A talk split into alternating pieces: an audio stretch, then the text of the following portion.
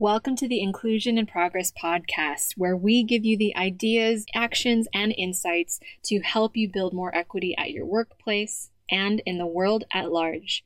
I'm your host, Kay Fabella, international expert on diversity, equity, and inclusion, a Filipino American living in Spain, and your guide in navigating this DEI journey. Having worked with teams at companies such as Philips, the IMF, Red Hat, PepsiCo, and more, I know firsthand that the work of inclusion only works when everyone has a seat at the table.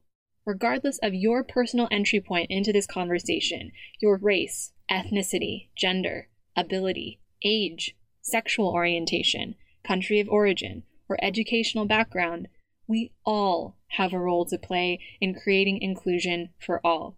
And it starts with us having conversations we need to create the change we wish to see. So let's dive into today's episode. Hey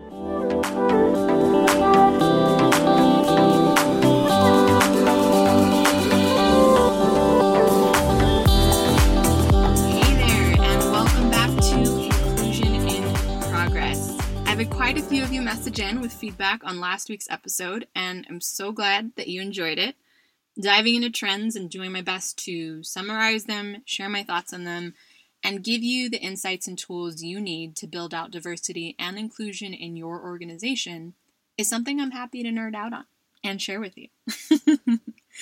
but ultimately, this podcast isn't just about informing you, it's also about putting a very real human face on diversity and highlighting the importance of creating safe spaces where we can dive deeper into the subtleties and nuances these types of conversations need to progress. Which is why I'm going to shift gears today and talk about something that's been on my mind for a while. And I'll admit, I didn't want to dive into it because I knew that it could potentially lead to serious backlash. You see, I didn't immediately make the connection between the work I do with messaging, communication, story finding, and identity work to help underrepresented leaders like you to step up as the voices our communities need. In fact, I often shied away from wading into conversations about D&I as recently as a year ago. I mean, that's crazy to think, right? But yeah, it's true. because honestly, I was afraid that by saying why I cared about inclusion would mean I would somehow jump into this game of oppression Olympics with other underrepresented groups. I know, I'm waffling, I'm stalling. Okay, deep breath, okay? Here it goes. So, I'm going to start today's episode with a question. When you think of the term people of color, who comes to mind? I ask because, as someone who identifies as Asian American, Filipino American to be specific, and is also a minority as an immigrant in Spain, I often don't feel like I'm quote unquote included in conversations about POC or people of color. I actually ran a quick Google search and got 13,900 results for are Asians people of color. So, yeah, Clearly, this isn't just an isolated feeling that I have exclusive ownership of. But here's the thing when it comes to diversity and inclusion, I know for a fact that the people who have most to gain from these conversations are the ones who've dealt with the most oppression, racism, discrimination, and injustice. They're the people who've dealt with microaggressions on everything from their hairstyle to the way they speak, to the way their name is spelled, or they're the people who have been on the receiving end of the most violence and discrimination. They're the people who are least likely to achieve equal pay with their non minority counterparts in our lifetimes. This, of course, historically, means black and brown folks, who are the groups that we most associate with the term people of color. But what about people like me who come from the so called model minority, but who are statistically more likely to experience discrimination in the workplace than any other ethnic group?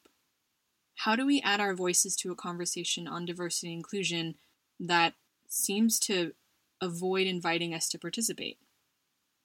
According to a 2017 report from Harvard University and NPR, 27% of Asian Americans report being discriminated against when applying for a job, and 32% of Asian Americans and Pacific Islanders reported that they had endured discrimination in the workplace with racial or ethnic slurs directed at them, the highest reporting percentage of any racial group. Black Americans were second at 26%. While the average income of Asian Americans suggests that we have a higher level of opportunity for economic advancement, we're also more likely to experience a different type of discrimination.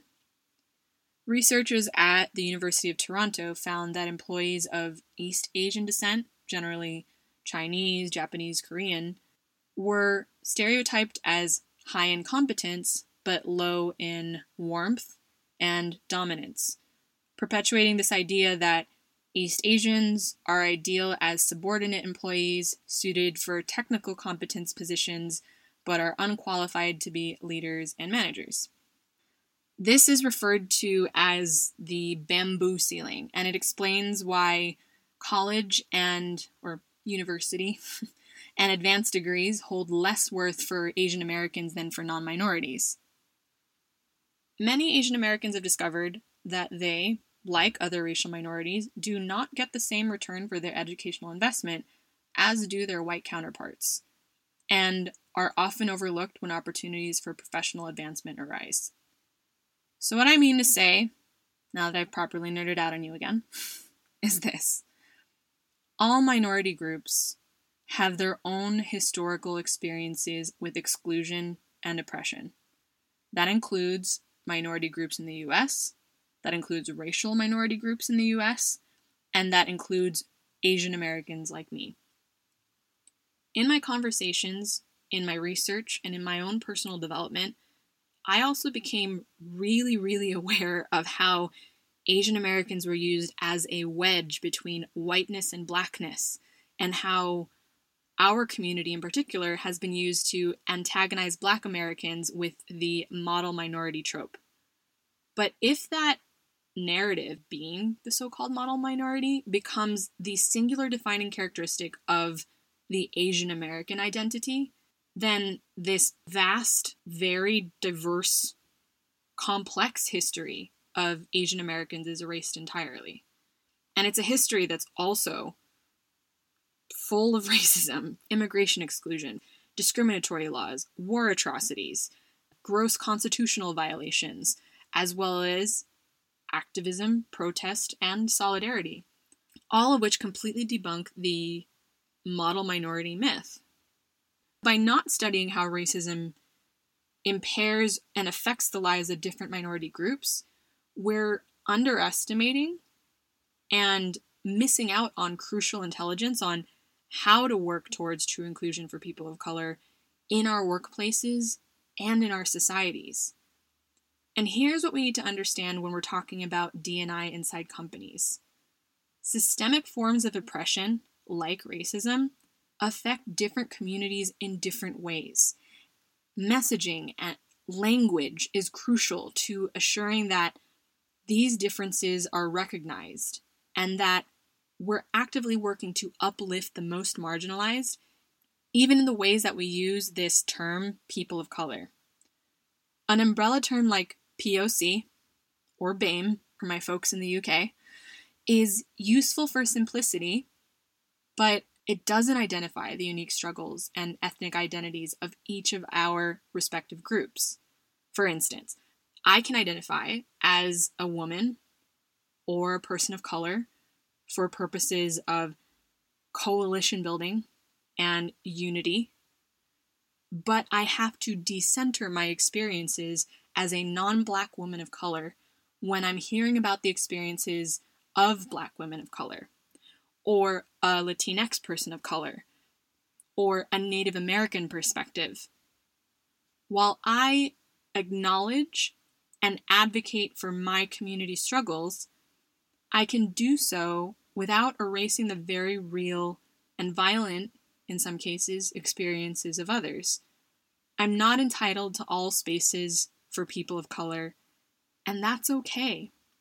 So, while I'm not in love with the term people of color or POC, painting this broad stroke over the diverse struggles of minority groups, I understand that it's a necessary reference point to start the conversation around diversity and inclusion inside our organizations and beyond.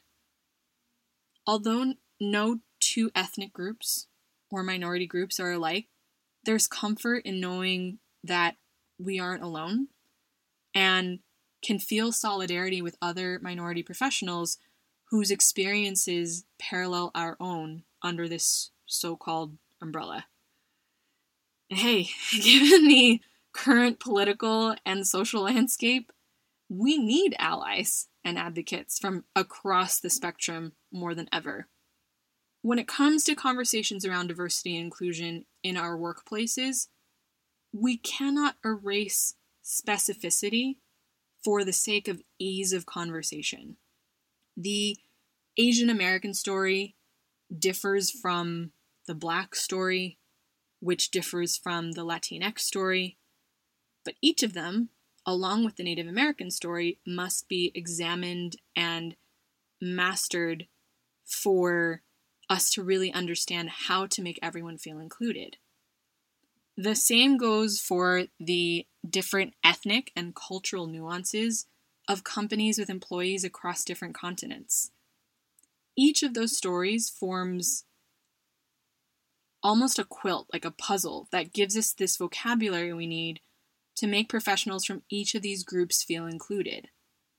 So the question then becomes what are you doing to create spaces that allow for deeper exploration of these individual stories in your organization? Are you patting yourself on the back for adding diversity and inclusion to your company's annual report without actually asking minority professionals whether or not they feel included? What are you doing to go beyond the umbrella terms like people of color to build the systemic inclusion your company needs and to increase the diverse talent pool that you say that you want.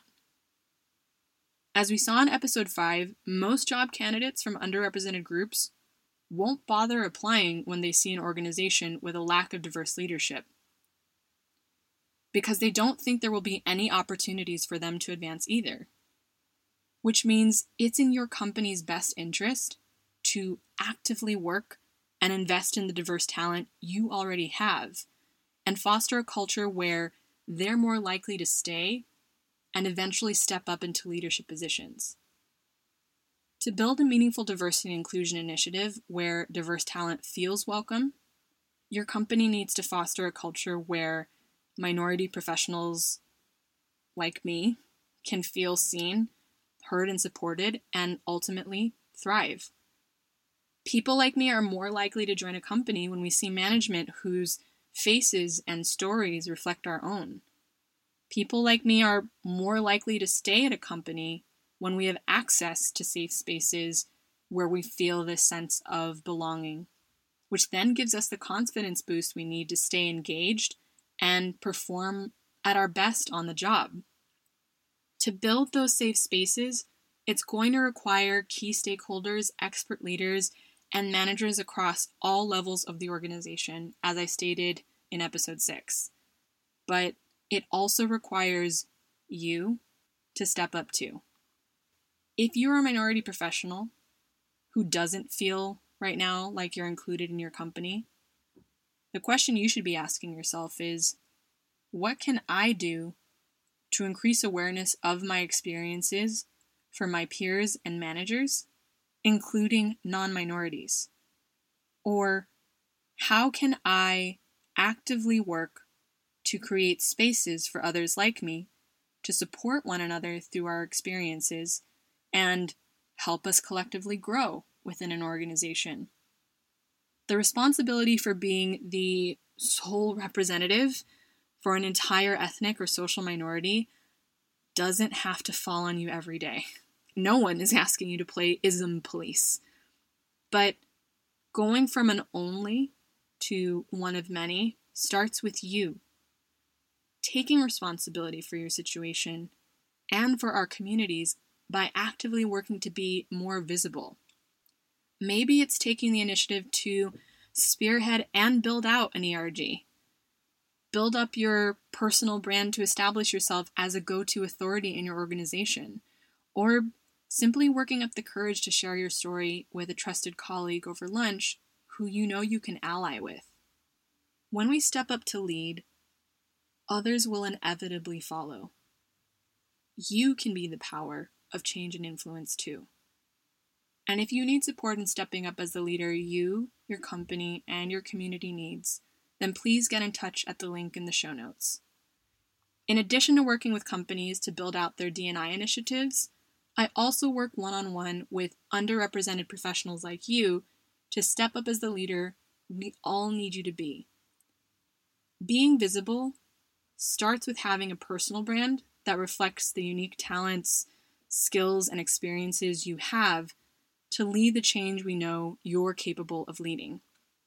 So every month, I work on a one on one basis with three traditionally underrepresented leaders, professionals such as women, WMXN, BIPOC, LGBTQIA, veterans, immigrants, or neurodiverse professionals to grow your influence and impact through a targeted personal brand.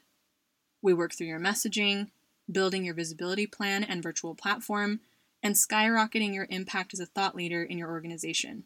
In short, we focus on leveraging your difference to make a difference.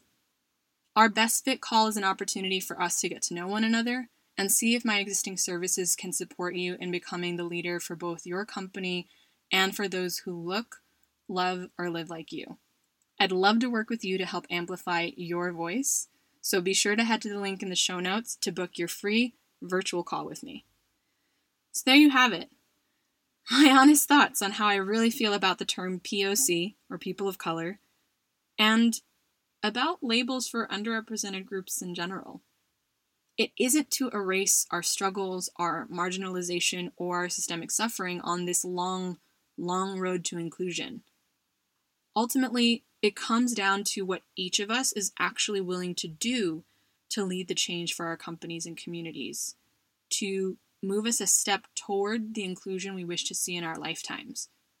That requires dual responsibility both on the part of the companies we work for and on us as the groups who are fighting for equality. Never underestimate the power you have as an individual to change the culture at your workplace. And of course, if this episode resonated with you, I'd love to continue the conversation with you on LinkedIn, where I'm sharing my thoughts on diversity and inclusion this year. In the next episode, we're going to be diving more into this idea of dual responsibility for D&I and how companies and underrepresented employees can work to build systemic inclusion together. Thank you so much for tuning in, and I'll see you in the next episode of Inclusion in Progress.